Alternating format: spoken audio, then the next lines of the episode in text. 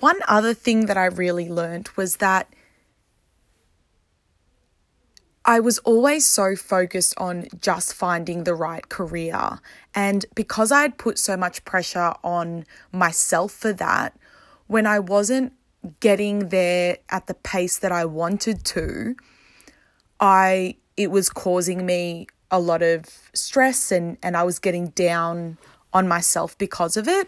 And what I realized was through these personality tests and through the booklet was that you can find fulfillment in different elements of your life. So, for some people, it might be the career that they put all the focus on, and then they let their social life fall behind, or their relationships fall behind, or, you know, their living situations fall behind.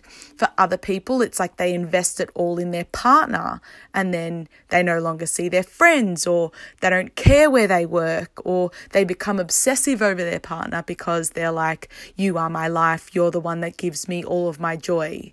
You know, so what this lets you do is it makes sure that it kind of comes from within and you're not ever seeking validation externally anymore. You can just find it from within you because you understand who you are and what gives you these this sense of validation or this sense of purpose.